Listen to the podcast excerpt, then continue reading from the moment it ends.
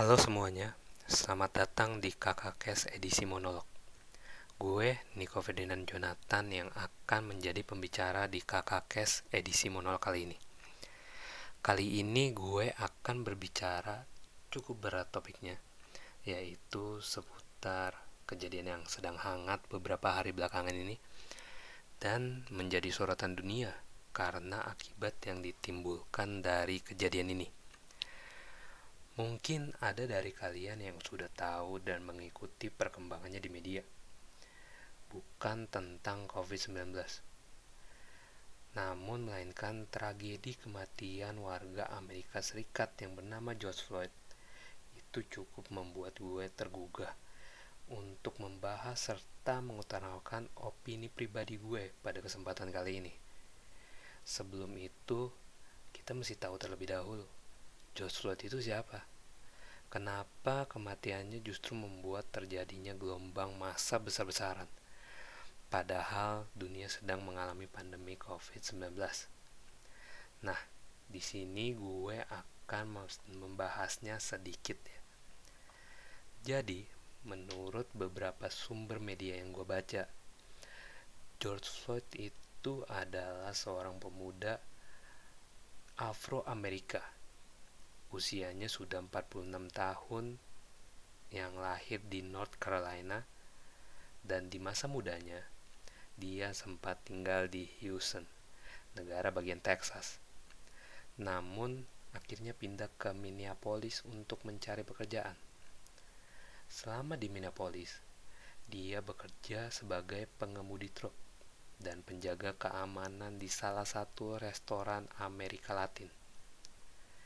George Floyd juga pernah tercatat dalam dokumen pengadilan di mana pada tahun 2007 dia pernah dijatuhi hukuman lima tahun penjara karena melakukan perampokan bersenjata di rumah.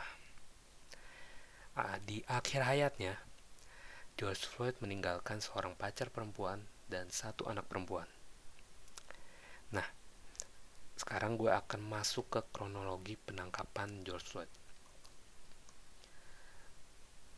Dikumpulkan menurut beberapa sumber yang telah gue baca. Kejadian George Floyd ini bermula dari respon para petugas kepolisian Minneapolis, termasuk Derek Coffin, petugas yang menempelkan lututnya ke leher Floyd. Itu melakukan kontak terhadap Floyd pada Senin malam setelah menanggapi adanya laporan tentang dugaan rencana Floyd yang melakukan transaksi dengan uang palsu yang berjumlah 20 US dollar. Dua petugas kemudian mendekati Floyd ketika ia sedang duduk di sebuah mobil tidak jauh dari toko. Floyd yang berada di dalam mobil bersama dua orang lainnya diperintahkan keluar dari mobil dan ditangkap. Tetapi ketika para petugas mulai memindahkannya ke arah mobil patroli, ia meronta lalu jatuh ke tanah dan mengatakan kepada para petugas bahwa ia menderita klaustrofobia beberapa sumber, klaustrofobia itu adalah gejala ketakutan tidak beralasan pada ruang tertutup atau ruang sempit. Penderita klaustrofobia menjadi takut dalam situasi di mana tidak ada bahaya yang jelas atau realistis. Ketika dua petugas lainnya tiba, termasuk Coffin, para petugas melakukan beberapa upaya untuk membuat Floyd masuk ke kursi belakang di sebuah mobil patroli. Sementara Floyd menolak untuk diam.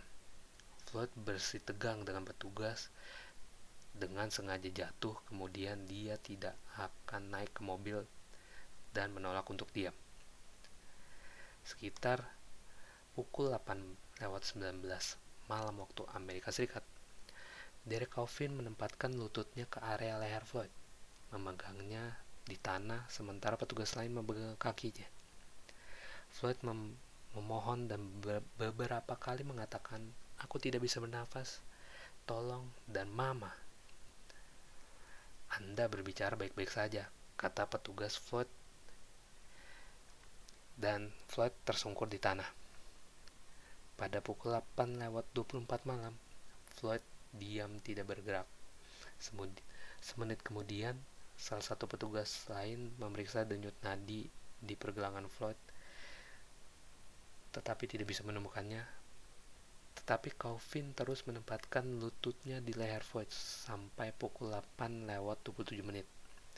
George Floyd kemudian dinyatakan meninggal dunia beberapa waktu kemudian. Nah, akibat dari kematian George Floyd, terjadi gelombang protes besar-besaran merebak di Minneapolis dan kalau sekarang sih sudah tersebar hampir merata di seluruh wilayah di Amerika Serikat, bahkan dunia, yang menyuarakan penuntasan kasus George Floyd hingga sampai pemberhentian rasisme di sana. Berdasarkan Undang-Undang Negara bagian Minnesota, pembunuhan tingkat ketiga tidak mensyaratkan adanya niat untuk membunuh. Tetapi hanya disebutkan bahwa pelaku menyebabkan kematian seseorang dalam tindakan berbahaya tanpa memperhatikan kehidupan manusia. Di sini poinnya, tanpa memperhatikan kehidupan manusia. Sedangkan dakwaan pembunuhan tingkat kedua menurut jaksa penuntut untuk membunik, membuktikan bahwa Calvin bertindak lalai menciptakan resiko yang tidak masuk akal dengan secara sadar melakukan tindakan yang menyebabkan George Floyd terluka parah sehingga meninggal dunia. Nah, hmm, di sini gue mau mengutarakan opini pribadi gue adalah gini. Gue bukannya mau ikut-ikutan, tetapi tragedi kematian George Floyd merupakan salah satu tragedi kemanusiaan dan gue setuju itu. Dan atas nama kemanusiaan, gue mendukung pengusutan hingga penuntasan kasus ini seadil-adilnya. Sama seperti kasus-kasus ketidakadilan lainnya di seluruh negara di dunia. Rasisme emang udah menjadi isu lama di seluruh negara. Dan gue mengutuk hal itu. Gue berharap tidak ada lagi kasus diskriminasi apa pun bentuknya. Dan semoga pihak yang menjadi korban mendapatkan pencerahan, kekuatan, dan keadilan yang seadil-adilnya. Semoga. Nah, segitu aja kakak kes edisi monolog kali ini. Kalau ada salah-salah kata dan data, gue mohon maaf. Gue Niko Ferdinand Jonathan pamit. Ciao. Salam. Alalala.